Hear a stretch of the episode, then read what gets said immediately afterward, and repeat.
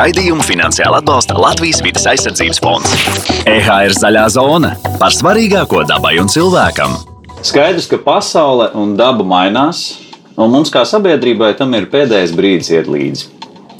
Par to, kurš par ko atbildēs, kurš dara vairāk, kurš mazāk, kā es varu iesaistīties. Un galu galā, kurš par to visu maksās, Mēs dzirdēsim turpmāk veselos 45 podkastos ar vienotu nosaukumu Zaļā zona, no kuriem šis, dāmas un kungi, ir pats pirmais. Zaļo zonu mēs turpmāk plānojam ieņemt pamatīgi, katram piedāvājot to, kas interesē visvairāk. EHR YouTube kanālā mēs turpmāk strādāsim pie tā, lai teorija par dabu un dzīves stilu un aprits ekonomiku pārvērstu praksē. Tātad ar ekspertu un sabiedrību atpazīstamu cilvēku palīdzību pārliecinātos par to, kas ikdienā strādā un kas īsti nē. Tāpat EHR un EHR superhīts, ēterā dabas un ikdienas asprātīgās šķautnes meklēs Anita Konsta un Jānis Joņovs. Bet tiem, kuriem visas šīs tēmas interesē vēl padziļinātāk, būs veltīta ekspertu rakstu sērija portālā TVNet un vidas vēstīs. Mans vārds ir Kaspars Eglīts, un savā ikdienā es nodarbojos ar reklāmu un komunikāciju. Taču ar vidi man saista pats galvenais fakts Es tajā dzīvoju. Un, lai arī pats ikdienā cenšos atkritumus šķirot, salasīt pie jūras izmesto un censties drīzāk iet kājām, tā vietā, lai izvēlētos automašīnu, es zinu, ka mums visiem kopā vēl ir ļoti tāls ceļš ejams. Taču kurp? Par to arī mēs šodien parunāsim. Tātad, lai runātu par svarīgo un aktuālo, šodien pie mums ir ciemos divi cilvēki. Viens no kuriem ir Aldo Ozola, Vides aizsardzības un reģionālās attīstības ministrijas valsts sekretāra, vietniece vides aizsardzības jautājumos. Sveiki! Sveiki. Un Jānis Brīsga, Latvijas Universitātes Geogrāfijas un vidas zinātņu fakultātes pētnieks, biedrības Zaļā brīvība vadītājs. Sveiki! Sveiki. Piebildīšu arī, ka abi viesi um, darbību vidas sektorā sākuši kā neformāļi. No nevalstiskā sektora tātad, un uh, Jānis Brīsga tur uh, joprojām arī darbojas. Nu, ko, līdz ar to arī jautājums pēc būtības, kas ir zaļās nevalstiskās organizācijas un ar ko Latvijā tās īsti nodarbojas? Jā, nu, nevalstiskās organizācijas uh, ir tās, kas principā Latvijā arī aizsāka vidas kustību jau 80. gados, un tajā laikā bija ļoti cieši sasaistītas arī ar tādu neatkarības kustību un, un cīņu par, par demokrātiju un cilvēktiesībām. Tagad, protams, tas darbs ir vairāk sasaistīts ar dažādiem vidas politikas, likumdošanas jautājumiem, sabiedrības izglītošanas jautājumiem. Nu, varbūt tās galvenās tās virzieni ir vidas aizsardzības organizācijas, vairāk dabas aizsardzības organizācijas, kas rūpējas par kaut kādām sugu dzīvotnēm, piemēram, dabas atjaunošanas pasākumiem un tam līdzīgi. Mēs zaļajā brīvībā vairāk sevi sasaistām ar tādām tēmām kā atkritumi, resursi, patēriņš, klimats Un, nu, arī par dabas aizsardzības biedrību mēs sevi, sevi tā nedēvētu. Bet cik cieši jūs esat saistīti piemēram, ar tādām Eiropas regulām? Nu? Mēs esam uh, vairākos starptautiskos tīklos, piemēram, Eiropas vidas birojas vai um, klimata, CAN, Climate Action Network, uh, Bankwatch Network, tādos uh, organizāciju apvienībās, kur ir apvienojušās dažādas organizācijas no, no, no visām Eiropas Savienības dalību valstīm. Un tad caur šiem procesiem mēs, protams, sekojam līdz tam, kas notiek Briselē, jo tas galu galā beigās nu, tiešām mērā attiecās uz mūsu, mūsu ikdienu un mūsu nākotni. Jo šie mērķi, kas nezinu, kaut vai atkrituma apsaimniekošanas jomā, kas nāk no Briseles, pēc tam mums jāievieš šeit, nu, ikdienā praksē. Alda vai zaļie neformāli draugi jau ir bijuši ciemos pie varam piketēt par kādu no aktuālām tēmām?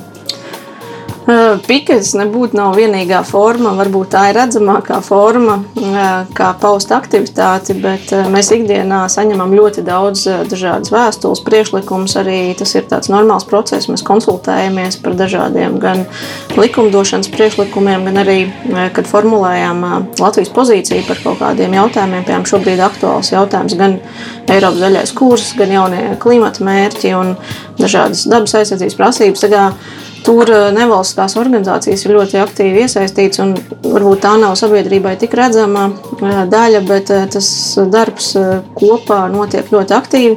Bet, protams, ir bijušas arī situācijas, kad organizācijas ir piketējuši. Nu, pēdējos dažos gados, laikam, īpaši neatceros šādus gadījumus, bet ir bijuši arī ne, ne gluži kā pikets, bet nu, ir piemēram ekoskola gājiens, ir bijis apstājies arī pie ministrijas. Lai uzrunātu ministru, un liksim, da, dažādas tās iniciatīvas un dažādās uh, formās ir notikušas. Cik pretīm nākošies esat tādos brīžos? Man jau gribās domāt, eh, ka esam gan pretim nākoši. Varbūt Jānis ir, ir eh, savādāks viedoklis, bet eh, mums jau tā, tā sadarbība bieži vien tiešām notiek kaut kādos kabinetos un, un sanāksmes zālēs. Un nav tā, ka mēs pilnībā viens otram piekrītam. Jūs neesat divās frontēs. Kā, bet, bet... Protams, es domāju, tas kopīgais mērķis ir aizsargāt, uzlabot vidas stāvokli, aizsargāt dabu, panākt kaut kādus konkrētus uzlabojumus arī ierobežot uh, klimata pārmaiņas, ja tā globāli skatās. Bet uh, es pieņemu, ka ir atšķirīgs skatījums par to, cik strauji tam jānotiek, uh, ar kādiem mērķiem, metodēm. Tur, protams, ir viedokļu atšķirības, un ik pa laikam arī, arī tie viedokļi nesatuvinās. Bet, nu, es pieļauju, ka reizes arī ka tieši satuvinoties, jūs savukārt nonākat pie, pie labāka tā rezultāta. Es domāju, jā, ka tas, tas ir tāds kopdarbs, jo neksim, mēs nu, ministrija veido vai mēģina noformulēt kaut kādus Latvijas mērķus un, un tad domāt par to, ar kādām metodēm labāk to sasniegt, apzinoties arī gan politisko realitāti, gan arī to realitāti attiecībā uz kaut kādiem nodokļiem, cik reāli kaut kādas maksājumus paaugstināt. Bet nevalstiskās organizācijas darbojas teiksim, ciešāk ar, ar šādām iedzīvotāju grupām un var atnest nu, tos, tos problēmu jautājumus līdz, līdz ministrijai tādā tiešā nepastarpinātā veidā. Un tas arī ir, ir, ir ļoti svarīgi, lai, lai tas skatījums būtu dažāds. Protams, mēs strādājam arī ar nu, saucamās ir profesionālās uh, organizācijas, kas apvieno kaut kādu noteiktu, nezinu, piemēram, atkritumu apsaimniekotājs vai tāds, bet mums ir svarīgs tieši arī, nu, kāds ir tas sabiedrības uh, skatījums. Nu, ko, šodien vairākas uh, tēmas, par kurām parunāsim. Um, viena no tām ir Eiropas zaļais kurs. Uh, kā mēs zinām, visā Eiropā jau šogad aktuālā dienas kārtībā ir nonācis uh, uh, European Green Deal, jeb šis Eiropas zaļais kurs. Neliekšos ļoti ambiciozs plānošanas dokuments ar ietekmi uz gandrīz visām tautsēmniecības jomām. Un kā šķiet, arī nu, kaut kādā mērā tāds ir reāls sapnis visiem zaļu domājošajiem. Kas varbūt ka savā ziņā rada šaubas par to, nu, kā tad gala rezultātā tas viss ir izpildāms. Uh, nolasīšu pāris tēzes no šī dokumenta. Viens no mērķiem ir sasniegt no izmešiem brīvu vidi 2050. gadā, un tā attieksies gan uz gaisu, gan uz ūdeni, gan uz augsni. Eiropā tiks ieviesti jauni produktu marķēšanas noteikumi, veicinot tādu produktu izplatību, kas nav saistīta ar meža izciršanu. Tad vēl viens mērķis plāns no lauka līdz galdam, kura mērķis ir radīt zaļāku un veselīgāku lauksaimniecību Tā ietvaros paredzēts būtiski samazināt ķīmisko pesticīdu, minerālu mēslu un antibiotiku lietošanu, arī samazināt miglošanu, kas vēl mums nesen bija diezgan aktuāla tēma. Manuprāt, mana balss.lv tika vākti paraksti, glābjot bites, kā arī veicināt produktu patērēšanu, patēriņu maksimāli tuvu tā rašanās vietai nu, lūk, kas ir saistīts automātiski arī ar transportēšanām un dažādiem izmešiem gaisā un tam līdzīgi. Un vēl viens nemazāk būtisks mērķis līdz tas izklausās samērā tuvu. 2025. gadam Eiropas Savienībā paredzēts uzstādīt miljonu publiski pieejamu elektrisko automobīļu uzlādes punktu, lai nevienai ģimenei, kas brauc ar elektroautomašīnu, nebūtu jāuztraucas par nākamo uzlādes vietu. Um, Nu, nemācīšu pateikt, gan vai Latvijā tas ir jau tik aktuāli, un vai gala rezultātā mums nebūs tā, ka ir jāmaksā par Eiropas nu, bagātāko valstu Tesla uzlādes punktiem. Un caurmērā jau tas viss izklausās ļoti labi, bet kad un kādā veidā Eiropas zaļā kursa labumus varēs sākt nu, tiešākā mērā baudīt arī Latvijā. Es nezinu, iespējams, ka tas jau ir iespējams nu, varbūt, varbūt vienkārši cilvēki par to nezina. Piemēram, es esmu manījis tajā pašā, ja nemaldos, ogrē, ir uzstādīts jau viens uz, tas, uzpildes, elektrouzpildes punkts. Tad es nesen manīju, ka Jūrkalnē varēs jau drīz piesprāst automašīnu. Un, uh, un gala rezultātā, protams, ka nemazāk svarīgs jautājums ir, kurš par to uh, visu maksās un uh, cik lielā mērā. Um, varbūt ar kādu komentāru. Um, jā, um, Eiropas zaļais kurs ir uh, ļoti ambiciozs. Tiešām uh, tāda darba kārtība, ar ko sevi pieteica jaunā Eiropas komisija, kad uh, uzsāka darbu pagājušā uh, gada nogalē. Un, uh, un tā ir kā darba programma pieciem gadiem, kur apakšā jau tālāk būs konkrēti priekšlikumi par to, kā to visu sasniegt. Tiešām, es domāju, tuvu simtam dažādu iniciatīvu. Dažas jau mēs redzam šobrīd, dažas vēl ir procesā. Piemēram, Piemēram ir publicēts jaunais klimata likums un arī piedāvājums paaugstināt klimata mērķus, respektīvi straujāk samazināt emisijas, lai to klimata neutralitāti līdz 2050. gadam sasniegtu. Ir publicēta šī stratēģija no lauka līdz galdam, kas ir nu, raksturo, kā lauksaimniecība būtu jāpārmaina tuvākajos gados. Tāpat arī stratēģija publicēta, kā aizsargāt bioloģisko daudzveidību. Un vēl virkne priekšlikumu, kas vēl ir procesā. Jā, ambiciozs un teiksim, gadus desmit vai 11 atpakaļ. Es domāju, arī neviena vidas organizācija nu, nevarēja cerēt, ka kaut kas tāds uh, tiks piedāvāts oficiālā veidā, jo tiešām tur ir daudz uh, labas lietas, uh, kurām būtu jānoved pie, pie vidas kvalitātes uzlabošanās un jāmazina tie riski, kas ir. Par klimatu pārmaiņām ir daudz runāts, un arī pagājušā gadā un iepriekš redzējām ļoti plašas demonstrācijas, bija šī te, um, kustība Fridays for Future uh, ar Grētas uh, Thunbergas uh, aizsākumu, un, un kas izvērtās plašumā. Un uh, ļoti daudzās, arī nu, tīpaši Eiropas valstīs, uh, pieprasījums pēc vidē draudzīgas politikas, pēc zaļās politikas pieaug. To varēja redzēt arī gan Nacionālo parlamentu vēlēšanās, gan, gan Eiropas parlamentu vēlēšanās, ka tas zaļo partiju, zaļu domājošo politiķu īpatsvars ir, ir krietni pieaudzis. Nu, varbūt Latvijā tā situācija ir mazliet atšķirīga, bet kopumā ir liels pieprasījums pēc tā, lai, lai būtu politikas vidē draudzīgāks, jo mēs runājam, tas nav tikai par, par, par gaisu, par tīru gaisu, ko elpojam, vai uh, pilsētām, kas ir uh, draudzīgākas uh, iedzīvotājiem un veselīgākas, bet tas ir arī par pārtiks kvalitāti un, un kādas tur ir vielas ir atrodamas, eh, jo cilvēks tas noteikti satrauc.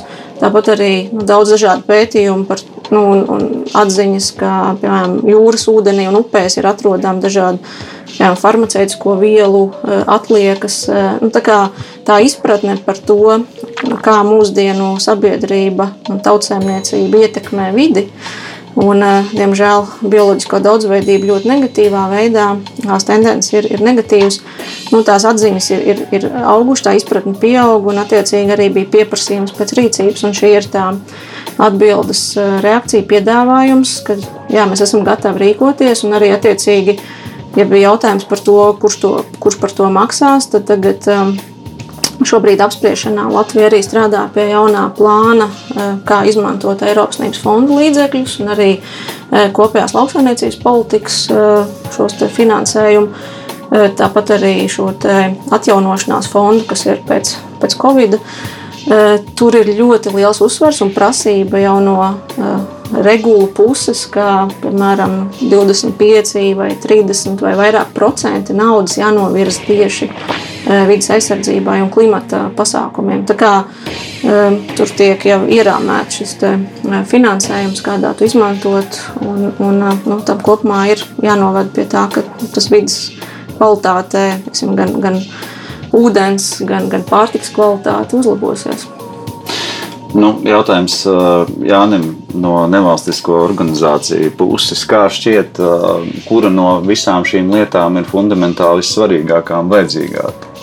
sabiedrībai. Jo skaidrs, ka tas Vienu. lielums ir ārkārtīgi liels, nu, ar ko mums vajadzētu sākt. Vai elektroautomašīnas ir piemēram svarīgākas nekā bites vai, vai pārtika vai, vai kā. Jā, nu šis Eiropas zaļais kurs ir tāds ietvers, kā jau Alda minēja, kur, kur patiesībā vēl daudz ko var salikt iekšā vai izņemt ārā. Jo tas tas nosaka tos galvenos virzienus, bet tas saturs vēl līdz galam nav skaidrs, izņemot varbūt dažas tās iniciatīvas, kas jau ir parādījušās gan klimata, gan aprits ekonomikas jomā. Un vēl joprojām jau notiek diezgan asas cīņas un diskusijas tādā politiskā līmenī par to, kāds tad, cik precīzi, ambiciozi vai cik zaļi mēs gribam būt. Un, nav jau tā, ka visa Eiropas politika nu, tagad vienbalsīgi iet zaļajā virzienā. Protams, tur arī ir diskusijas un cīņas. Un, Un, un tas nu, nav mainījies. Tas ir līdzīgs process, kā tas bija pirms, pirms 10, 15 gadiem. Es, es pieļauju. Bet iz, izvirzīt kaut kādu vienu lietu nu, būtu ļoti grūti. Man liekas, ka manā skatījumā bioloģiskās daudzveidības. Apturēt bioloģiskās daudzveidības samazināšanos, man liekas, viens tāds svarīgs uzdevums nu, vispār Eiropā.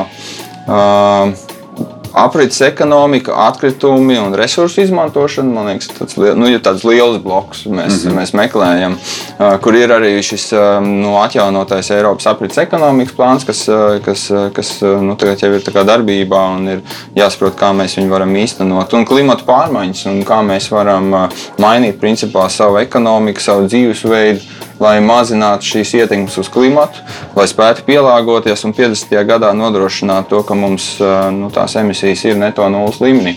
Kas ir ļoti arī priekš Latvijas, man liekas, tas ir tāds jautājums, par ko mēs liekas, pārāk maz šeit runājam. Tas nozīmē, to, ka mums 50. gadā nav fosilās enerģijas, mēs neizmantojam dabas gāzi apkurē, kas pamatā vismaz rīzniekiem tagad ir ikdiena lielākajai daļai, gan caur centrālu apkuru, gan individuāli. Mēs neizmantojam iekšzemes dzinējas transportā. Un tas, tas viss ir 2050. Tas ir kā 50. gads, varētu likties tālu, bet, ja mēs paskatāmies, nu, jā, tie gadi jau paiet diezgan ātri. Un daudzas no lietām, ko mēs. Mēs būsim pensijā. mēs varbūt būsim pensijā, bet daudzas no investīcijām, kas pašlaik tiek izdarītas kaut kādos projektos, viņi tie projekti kalpos mums uh, 20, 30, 40, 50 gadus. Tā infrastruktūra, ko mēs būvējam pašlaik. Nu, labi, un, bet... Ja mēs to infrastruktūru pašlaik investējam tādās lietās, kas nebūs vajadzīgas vai pēc 20, 30 gadiem, tad tā būs zaudēta nauda, tā būs zaudētas iespējas. Nu, labi, bet tas 2025. gads, teiksim, tas ir kaut kas tāds, kas ir salīdzinoši sasniedzams. Nu, es viņu varu pārskatāmā nākotnē. 2050. ir kaut kur ļoti tālu un skaidrs, ka, lai mainītu kaut ko tajā sabiedrībā, ir jāmaina tie paradumi arī šodien. Nu, es atceros, ka tad, kad es, piemēram, augu, nu, tad, teiksim, tāpat atkrituma šķirošana. Man bija viena miskasta. Mēs tur visu bērām, mēs gājām ārā un vienkārši vienā konteinerā arī visu to aizved prom. Un šādi ir izaugušas, un vēl aizvien šobrīd nu, pastāv ļoti daudz dažādas paudzes. Vai sabiedrība iet šim līdzi? Nu, kāda ir jūsu novērojuma? Vai, vai sabiedrība iet, vai sabiedrība saprot, ka, ka tagad ir jāšķiro, ka ir svarīgi to visu darīt? Vai tas vēl ir tāds liels zobrats, kas griežās? Nu, jūsu pieredze. Es gribētu domāt, ka, ka kopumā iet līdzi, un mēs arī redzam, ka pieaug tas dalīti vākto atkritumu īpatsvars, jo jau līdz 2015. gadam Tas jau dažus gadus atpakaļ, ja piecus vajadzēja visām pašvaldībām izveidot dalītās vākšanas sistēmu un faktiski nu, nodrošināt, ka visiem iedzīvotājiem maisaimniecībām ir pieejams šķirošanas pakalpojums. Bet, nu, skatoties uz Rīgu, droši vien ir lielas bažas par to, cik tas notiek praksē. Un arī nu, fakts, ka ir vēl Rīgā daudz dzīvokļu mājas, joprojām, kur ir tie saucamie atkritumu stāvvadi, tikai tagad ir pieņemts noteikums, ka no 1. janvāra tādus vairs nedrīkst eh, izmantot. Nu, tas tiešām arī eh, mudina domāt par to, um, kā tu jau virtuvē katrā tos atkritumus sašķirot, sadalīt. Tā motivācija, kādēļ to darīt, eh, nu, ko mēs esam arī aicinājuši no ministrijas puses, un, un, un pašvaldības to dara, ir par tiem, kas ir dalīti, vākti tie šķirotie, um, kurus var pārstrādāt vai izmantot atkārtotas. Tad par to izvešanu nav jāmaksā un jāmaksā par to nešķirotu atkritumu izvešanu, radot tādu finansiālu arī nedaudz motivāciju iedzīvotājiem par to. domāt, bet uh, tam nav tikai arī tāda um, monetāra interese. Mēs nu, redzam arī, ka ir, ir bērni, jaunieši, kur tiešām aktīvi šķiro un arī mudina uh, savus vecākus uh, to darīt. Tā tā izpratne aug, un arī Vācijā domā, ir jau uzaugusi paudze, kur nespēja iedomāties savādāk, kā nešķirot. Un, nu, tā šķirošana ies, ies plašumā, jo mūsu mērķis ir izvairīties no milzīgiem atkritumu kalniem, ar kuriem neko nevar darīt. Tā kā, nu, ir svarīgi jau šķirot katrā virtuvē, katrā mājā. Jā, mēs Latvijas universitātē esam diezgan daudz pētījuši arī cilvēku uzvedību, cilvēku uzvedības kaut kādus paradumus. Nevar jau Nu, sabiedrība ir ļoti daudzveidīga. Mēs nevaram visus cilvēkus salikt vienā, vienā kastē. Un, un to mēs arī redzam, redzam pētījumos, kad lielākoties jau cilvēki vienmēr saka, ka viņi ir, viņiem patīk daba. Reti kurš tā atklāti teiks, ka nē, nu, man tas neinteresē, es to negribu. Bet cilvēki arī ļoti labi atrod dažādus iemeslus, kāpēc kaut ko nedarīt. Un, nu, tas nav tikai uz atkritumiem, tas nav tikai uz vidas. Zem izlietnes, zem izlietnes nav vietas. Tieši tā, vai pārāk vai pārāk tālu, vai sieva negrib, un kādreiz konfliktējuši atkritumu dēļ ar, ar ģimeni. Tas, kā, es domāju, mēs esam ļoti radoši arī tajā ziņā. Tāpēc man liekas, tas valsts pašvaldību uzdevums ir radīt pēc iespējas labāku, ērtāku šo infrastruktūru, radīt kaut kādus ekonomiskos stimulus, kā Alde teica, ar nodokļiem, ar tarifiem, bet arī sabiedrībā veidot tādu, nu, tādas sociālas prakses, kas, kad visi uz tevi skatīsies nu, kā jocīgi, un ja tu pēkšņi darīsi kaut ko ārpus ierastā.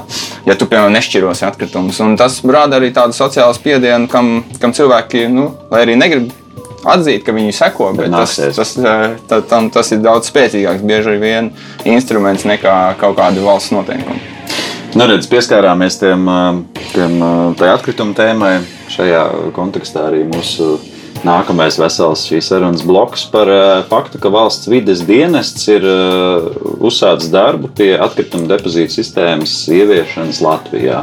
Tad ir pagājuši 20 gadi ar spraigām debatēm. Ideju noraidījumiem, tur un vēl dažādām citām peripētijām.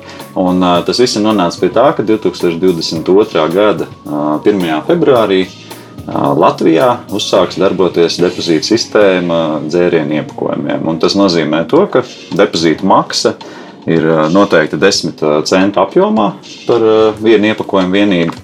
Nu, tad, tad tik vienkārši, ka varēs iet, nodot tur alus, bezalkoholisko dzērienu, sīdru kokteili, nu, tur dažādas, var sakot, dažādi tilpumi, plasmas vai stikla pudeles, skārdens un par to saņemt gluži vienkārši atpakaļ naudu. No vienas puses liekas, ka, ka mēs to jau esam kaut, kā, nu, kaut kādu laiku darījuši. Bet nu, desmit centi. Vai tas, ka šos desmit centus, kas ir šķietami maz, mēs dabūsim atpakaļ caur šo depozītu sistēmu par katru to dzērienu, ir, ir pietiekama motivācija, lai vispār cilvēki iesaistītos? Vai, nu, jā, Vai tas tiešām veido kaut kādu apjomu, vai drīzāk kā turpināsim viņus mest, kad pagadās? Un, Nu, jāsaka, ka tie 10 centi vai tā depozīta maksa, ko pēc tam var dabūt atpakaļ, vispirms jau tiek um, pircējs uh, iegādājoties noteiktus dzērienus, ir samaksājis veikalā. Manuprāt, jā. Lietuvā jau šī jā, jā. sistēma darbojās, Lietuvā, un es pat esmu dzirdējis, ka ir cilvēki, kuri, kur, kas dzīvo tuvāk robežai, ka viņi brauc un, un, un kaut kā tur miksē nu, savu veidu. Tas gan nav, le, nav, nav īsti legāli. Tāpēc es saku, es esmu dzirdējis, es pats neesmu darījis. Tik viegli to nevar, jo tur ir gan tie svītra kodi, gan cits atpazīšanas zīmes. Bet, uh, bet skatot, jā, Lietuva salīdzinoši nesen ieviesa uh, šo sistēmu pirms dažiem gadiem, un uh, tur tie rādītāji ir, ir ļoti augsti un atzīstami. Restīvi, nu, tā standarta pieeja ir, ka nu, 90% tā iepakojuma tiek atgriezti atpakaļ pieņemšanas punktos, vai nu tas ir taromāts vai kaut kāds manuāls punkts, un, un iedzīvotāji ir gana motivēti saņemt atpakaļ šo iemaksāto naudiņu. Tad, kad sistēmu ieviesa Lietuvā, es arī no, esmu dzirdējis no kolēģiem dažādus komentārus, kā tas strādāja. Ka sākumā jā, bērniņi ļoti čakli tur nesa, un, un arī nu, ir iedzīvotāji, kas turpināja cilvēku mest kopējā miskastē arī šīs iepakojuma vienības, par kurām varēja dabūt atpakaļ naudu, bet nu, tad atradās veikli cilvēki, kas to, nu, kurus jā, sauc par, par varbūt jā, bombžiem vai kā tam līdzīgi, izmantoja. Un, un tiešām esot bijis gana labs ienākuma avots pirmos mēnešus, bet tad dažu mēnešu laikā tā uzvedība, teiksim, cilvēki pielāgojās un, un, un, un sāk saprast, ka tur var dabūt vairākus eiro ko pēc tam var nu, atprečot veikalā, pērkot preces. Tā kā tā sistēma strādā. Bet tas nozīmē, ka cilvēks maksā būtībā nu, turpmāk. Mēs visi no, no 2022. gada, gada mēs Jā. maksāsim par 10 centiem vairāk. Jāliņš maksā eiro 70, tagad būs piemēram eiro 80. Mm, tā brīdī, sanāk, kad tos 10 centus jā, dabū dabū pēc tam. Jā, kad... tā brīdī, kad iegādāju šo dzērienu, tad jā, bet nu, arī, kā mēs skatāmies, gan Lietuvā, gan Igaunijā tās cenu zīmes ir norādītas nu, kā parastas cenas, lai var salīdzināt. Plus tad ir klāti tie 10 centi par, par iepakojumu, ko var dabūt atpakaļ. Neks viņi tur neapliekās ar PVN un viss tam līdzīgi. Tie būs, tie būs kaut kādi, es saprotu, automāti vai publiskās nodošanas punkti. Kā tas tehniski tur, tur dažādi tie risinājumi, bet kā jau jūs teicāt, jā, šobrīd valsts vidas dienests gaida pieteikumus. Tas termiņš ir 30. septembris. Skatīsimies, kas būs sasniegts. Jo ministru kabineta noteikumi vai tas regulējums ļauj piedāvāt dažādus variantus. Un, nu, jāizvēlas būt, kas ir ekonomiski efektīvākais. Tie vairumā gadījumu varētu būt jā, saucamie taromāti, automāti, kur iedod, bet arī mēs skatāmies uz kaut kādiem manuāliem punktiem, ehm, kur jau automāts atmaksājas. Tad, ja ir liels apgrozījums, tad pie lieliem veikaliem, protams, jā, bet varbūt tādās mazāk apdzīvotās vietās. Tas protams, arī, tas, protams, arī ir infrastruktūras jautājums. Cilvēki to darīs, ja viņiem būs viegli to darīt. Tāpat tās protams, ar elektroautorātu vai ar ir, jebkuru citu tēmu, kas nāk iekšā. Tātad šīs vietas, kur varēs nodot šo iepakojumu pretī saņemot naudu vai, vai um, kvīti tām ir jāatrodas pie veikaliem. Tas jau arī noteikts obligāti prasībās. Tātad veikalu nu, tirzniecības vietu tūmā. Tātad, lai ejot uz veikalu vai braucot ar automašīnu, vai tas ir autostāvvietā vai, vai, pie, vai pie ieejas vai kā tam līdzīgi, nu, tie ir izcinājumi dažādi. Kā skatīsimies, kādi būs tie piedāvājumi, un tad būs vairāk kā gads laika, lai to praksē ieviestu. Bet eh, skaidrs, ka tam ir jābūt ērti, lai nu, cilvēkiem nebūtu nu, liekas nērtības, jo tad tā motivācija var samazināties. Protams. Kāpēc vajadzēja 20 gadus? Jā, diskusijas bija, bija pilnīgi noteikti garas. Eh, nu, droši vien tas, eh, tur atbildes varētu būt dažādas, bet pamata interese jau ir esot, nu, atkrituma apsaimniekošanas uzņēmumiem, kuri savāc atkritumus no, no iedzīvotājiem, sadzīves atkritumus. Tad, viņiem, protams, arī ir interese paņemt to vērtīgo materiālu, kas ir atrodams kopējā atkritumu plūsmā. Vērtīgākās ir skārdenes, alumīnijas. Uh, tur ir pēc pudeles, kam ir kaut kāda vērtība, nu tad, protams, vēl kaut kādi materiāli, bet nu, tās ir tādas eh, iepakojuma veidi, par kuriem nu, tur ir kaut kāda ekonomiska vērtība un interese.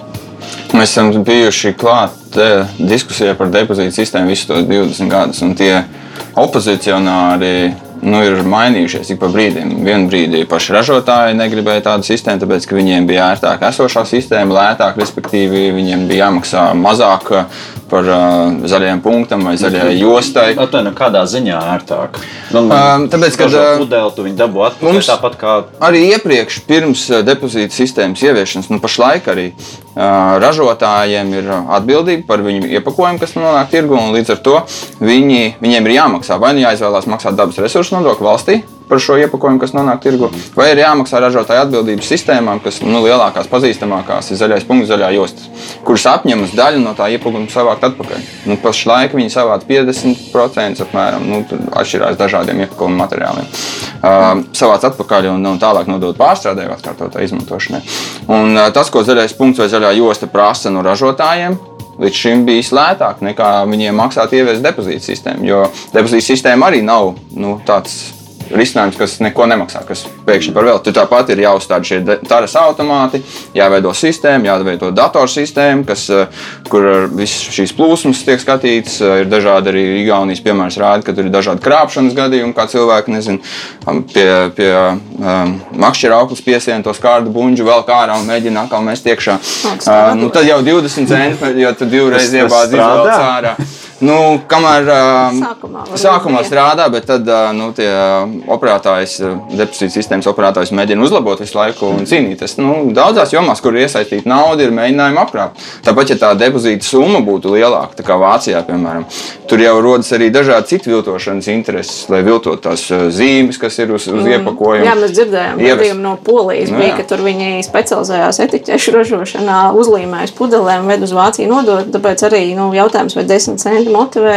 Nu, mēs jā. skatījāmies, ka Lietuvā, Igaunijā ir 10 centi, un tad arī Latvijā ir loģiski, ka ir tāda pati summa, tā maksa depozītā, lai, lai neradītu šādus liekus riskus un krāpšanas. kā- Ja krāpšanas risks ir viens no tādiem lielākajiem draudiem tai sistēmai, kad uh, ja viņa nebūs pietiekami pārdomāta un uh, droša, ja, kad uh, viņi var novest bankrotā kaut kādā brīdī, ja, ja cilvēki nezinu, no Baltkrievijas ar smagajām mašīnām vedīs iekšā kaut kādas uh, pudeles un uh, uz, uz seroks sakupētiem uh, svītrkodiem un, uh, un mēģinās viņus šeit nodot, lai dabūtu atpakaļ to, to depozītu naudu.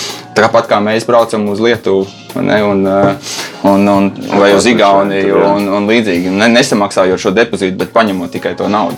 Tā kā, tas, ir, uh, tas ir veids, kā to, ko, kā to sistēmu var uh, sagraut. Un, man liekas, es ceru, ka kad Latvijas gadījumā tas tā nenotiks un tiešām tas. Mm, Sistēmas operators, kas tiks izvēlēts šogad, ja, pēc, pēc tiem iesniegumiem, būs tāds, kas būs spējīgs viņu uzturēt ilgtermiņā. Un mums nemāksies pēc pāris gadiem maksāt Eiropas varbūt kaut kādas soda naudas par to, ka mēs neesam izpildījuši. Bet šī sistēma ir pakārtot vienai konkrētai valstī. Tas nav tā, ka es uh, iekāpu iekšā Rīgā, es braucu uz viņu, piemēram, es nopērku fantu vai jebkuru citu gāzēto dzērienu, un, uh, un, un viņā es uh, iemetu iekšā pudelīti, un tad mēs Bija. atpakaļ tos desmit centus. Jā. Bija sarunas par to, ka varētu Baltijas valstīs veidot vienotu, bet nu, tik tālu mēs neesam tikuši. Nezinu, varbūt, Varbūt pēc 20 pāris gadi. gadiem. Tāpēc, ka tirgus jau ir ļoti līdzīgs. Tie paši ražotāji tirgo visās valstīs. Viņiem varbūt arī būtu interesi veidot Nu, tādu patiesībā sistēmu. ne tikai Baltijā, bet visā Eiropā.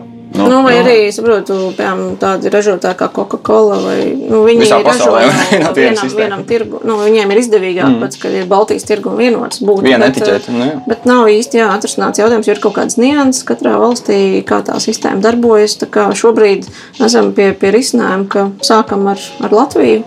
e, Un skatāmies, bet Igaunija arī mums ik pa laikam atgādina, ka viņi gribētu pastīties. Varbūt, ka var kopīgi veidot. Un skaidrs, ka tā, tās robežas jau arī ir nu, pierobežas iedzīvotājiem būtu interesanti gan, gan Valkā, gan Lietuvas pierobežā. Bet ko tas nozīmēs praksē iedzīvotājiem?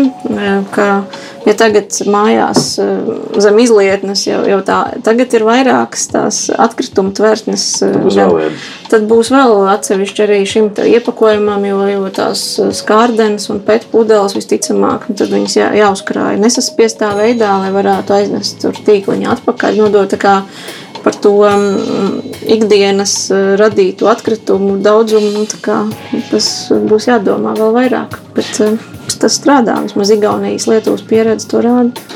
Ar Igauniem un Lietuviešiem konsultēties. Jā, protams, jo mēs, mums bija svarīgi arī izvairīties no kaut kādām viņu kļūdām.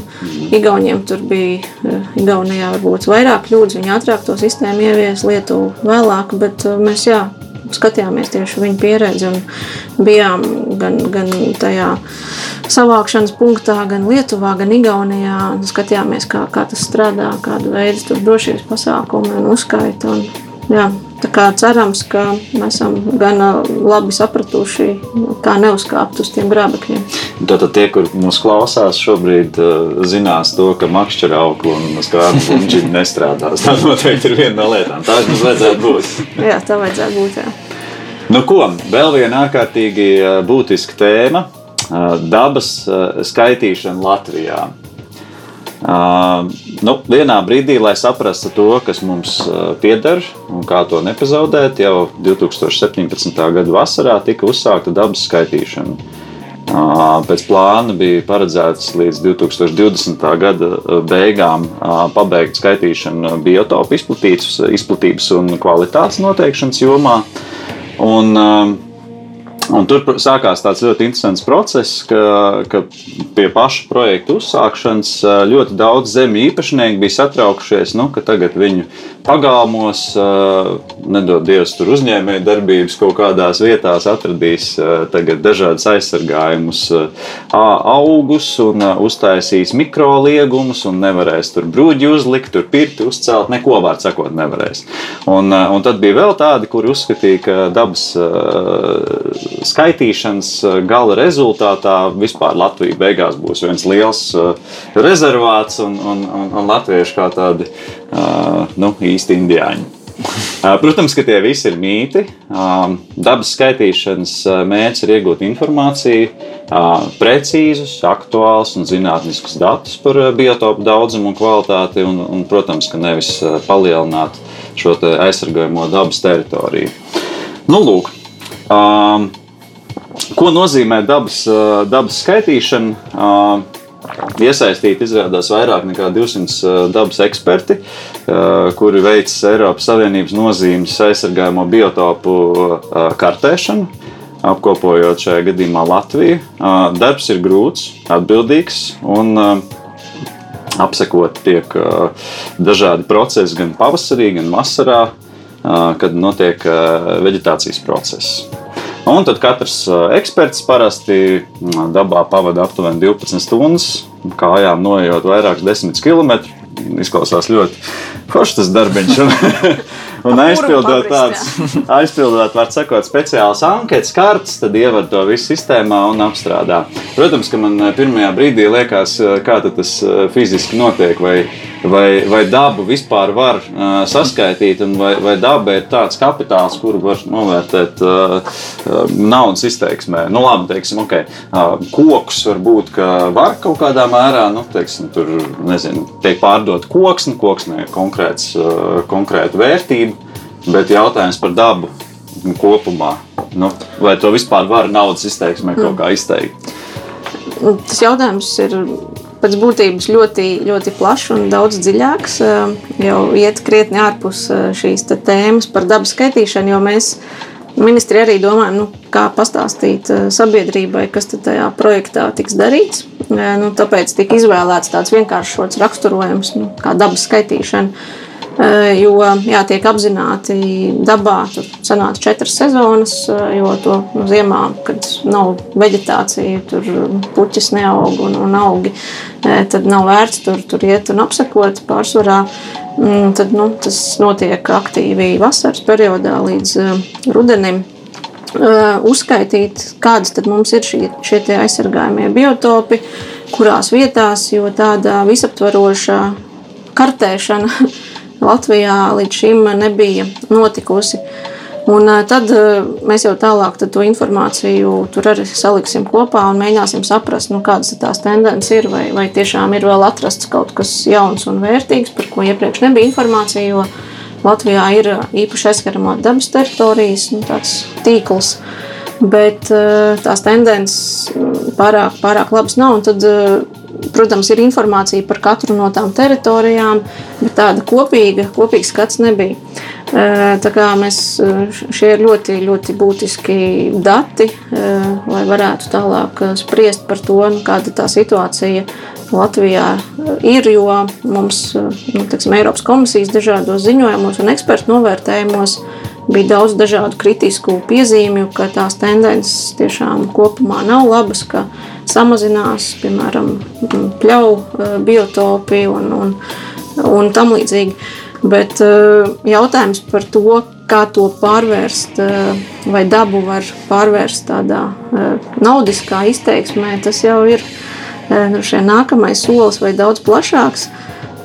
Jā, ir tās metodas, ir, kā novērtēt dabas vērtības, vai tas tiek darīts parasti caur ekosistēmu pakalpojumiem, jo jūs pieminējāt par koku nociršanu. Jā, viens ir pārdot šo koksni un, un vai nu tur iz, kā būvmateriālus izmantot vai, vai šķeldā. Nu, labi, bet, piemēram, bet, man ir, man ir sūnas tur skaisti jā, izaugušas. Cik maksā? Bet tur ir nu, tie, tie koki, tad, kad aug, viņi da, vai mešs veids arī daudz citas funkcijas. Teiksim, tur regulē mitrumu, viņa nozīme liela kaut kādā plūdu regulācijā, tur augsnes uzlabošanā. Nu, ļoti daudz dažādas lietas, arī tīrā gaisa uh, radīšanā.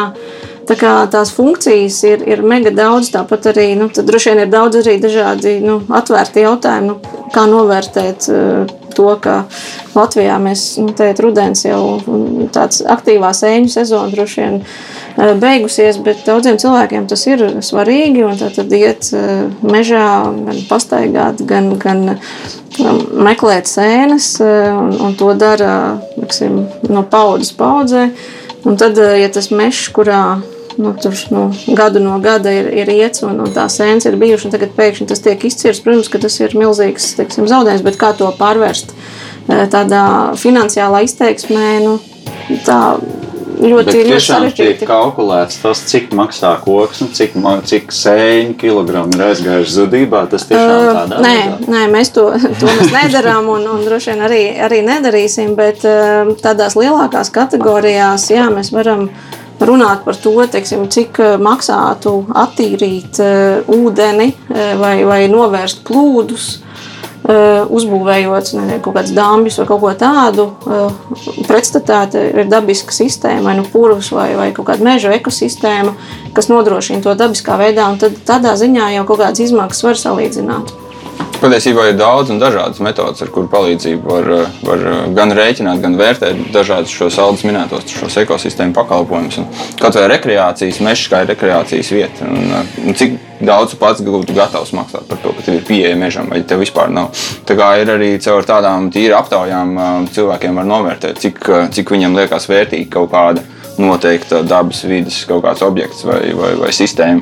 Bet var arī, jā, var arī rēķināt skābekļu radīto, vai arī, ja tas tev būtu jādara, vai, piemēram, aputeksnētāji. Ja mums nomirst bites, ja mums vajadzētu pašiem aputeksnēt, nu, vai radīt kaut kādas tehnoloģijas, kas to dara.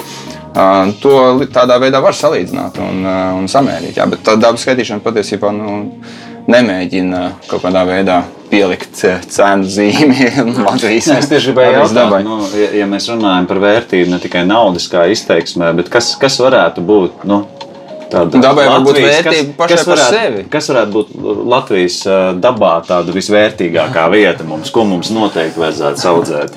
Es domāju, ja, ja mēs ieietu kādā pamatskolā kaut kur un paprasītu bērniem, kas viņiem liekas, katrs pateikt kaut ko citu. Vienam tur viens kaut kāds koks, pie kā viņš ir kaut ko darījis, ir ļoti svarīgs. Ja? Citam tā ir pļāva Cits varbūt dabā vispār nav īsti bijis un, un nu, neapzinās tās lietas. Tā kā, man liekas, ka nu, dažādas cilvēki var visdažādākās lietas sasaistīt ar to, ar to, ar to savu vērtību, bet, nu, protams, ir arī kaut kādi tādi objektīvi objektīvi vērtējumi, kas arī tās nākotnes iespējas, ko mums daba dod, jo ļoti daudzas dažādas medicīnas lietas un citas mēs kopējam vai tiešā veidā paņemam no, no dabas. Un, un tās nākotnes iespējas mēs, nu, mums grūti iedomāties, ko mums varētu būt vajadzīgs pēc 10, 20, 40 vai 100 gadiem. Ja mums būs izmiruši tauriņu suga, mēs varbūt no, viņus, no viņiem varēsim mācīties radīt kaut kādas, kaut kādas vielas, kas, kas, kas mums ir noderīgas, piemēram, medicīnai. Un tā būtībā pārfrāzējot, um, sanāk, ka nav jau svarīgi tas, ko mēs tur sasvērsim un ko apskatīsimies, bet uh, svarīgi ir visa daba kopumā. Nu, kā, vai tas ir viens koks vai tas ir vesels, tad, teiksim, ķemēra dabas parks, uh, tas ir sanāk, vienlīdzīgi. Tur ir uh, gan, gan jāskatās, kas mums vispār kopumā un, un, un kā, kā tās sistēmas darbojās Latvijā, bet ir arī ļoti relatīvi, teiksim, kas ir vērtība. Jo nu, pirms dažiem gadiem bija arī diskusijas saistībā ar zemgali, kur arī bija tur meža teritorijas ir maz, tur pārsvarā lauksaimniecības zemes. Un tad bija um, piedāvājums, vai, vai tika virzīts jautājums, ka vajadzētu tur vienu no tiem mežiem tīrīt vai cirst. Un tur vietējie iedzīvotāji tiešām bija ļoti, ļoti neapmierināti, jo, lai gan no tāda bioloģiskā dabas viedokļa, varbūt tas nav pats vērtīgākais mežs, bet viņiem bija ļoti svarīgi, ka tajā ainavā, kur ir pārstrāva lauksainiecības zemes, ka tur tas mežs arī ir. Un, un tā viņiem ir liela vērtība, lai aizietu kaut vai pastaigāties, vai, vai sēņot, vai, vai ko vēl citu darīt. Bet tas viss tāds vērtība, tāda relatīva lieta. Ja kaut kas ļoti trūkst un, un vairāk trūkst, tam piešķir uzreiz lielāku vērtību. Nu, ko? Mūsu saruna ir straujiem soļiem nonākusi izskaņā. Tēmas, protams, ir tik ārkārtīgi dziļas un plašas, ka tur vēl ir ko rakt un rakt. Kā manas pieminētajos kanālos, to būs iespējams uzzināt arī daudz vairāk. Bet nobeigumā katram no jums vēl viens ļoti svarīgs jautājums. Ja jums būtu jāpasaka, kas ir tā viena lieta, ko katrs Latvijas iedzīvotājs varētu sākt darīt jau šodien, lai mūsu kopējo dzīves telpu padarītu labāku, kaut ko pavisam vienkāršu. Kas tas būtu? Es trīs lietas varu nosaukt. Sāks var jā. Kā ar Aldu domā, bet, jo, nu, es universitātē pētot cilvēku uzvedību, cilvēku uzvedības ieteikumus, nu, ir trīs lietas, kas, kas rada lielākās ietekmes uz vidi. Tas ir pārtika, ko mēs ēdam, mums vajadzētu izvēlēties vairāk vietējo, sezonālu pārtiku, mazāk ēst dzīvnieku izcelsmes pārtiku. Transports, kā mēs pārvietojamies, respektīvi, vairāk braukt ar velospēdu, iet kājām un uh, mazāk izmantot privātu automašīnu vai lidošanu. Tagad lidošana diezgan ierobežota Covid dēļ. Un trešais ir mājoklis, kādās mājās mēs dzīvojam, cik viņas ir siltināts, cik viņas ir efektīvas enerģijas ziņā un kādus enerģijas avotus mēs izmantojam gan elektrībai, gan apkurei. Tās būtu trīs lietas. Vienu man izvēlēties būtu grūti. nu, man, man arī pilnīgi tāpat. Es domāju, ka Jānis jau, jau gana, gana labi noklāja šo lauku, jo par katru no tām atkarībā no tā, kur cilvēks dzīvo, vai tā ir e, pilsēta, vai tas ir ārpus pilsētas, vai pilsētas centrs. Nu, tur tie, tās atbildes būs dažādas. Jo nu, tiksim, nevar visiem teikt, brauciet ar velospēdu, ja tas ir e, nu, krietni ārpus pilsētas un varbūt ir, ir jā, dažādi citi rakstura ierobežojumi. Tā kā, jā, tās atbildes nav, nav tik, tik vienkāršas, bet uh, noteikti ir, ir svarīgi, lai cilvēki piedomā pie tām ikdienas lietām uh, un, un iepērkoties veikalā. Uh, Par to, kādu veidu ietekmi tas rada. Ir, ir, ir jauki, ka jūs par to arī stāstiet saviem klausītājiem. Paldies! Paldies par atbildēm, paldies par jūsu laiku!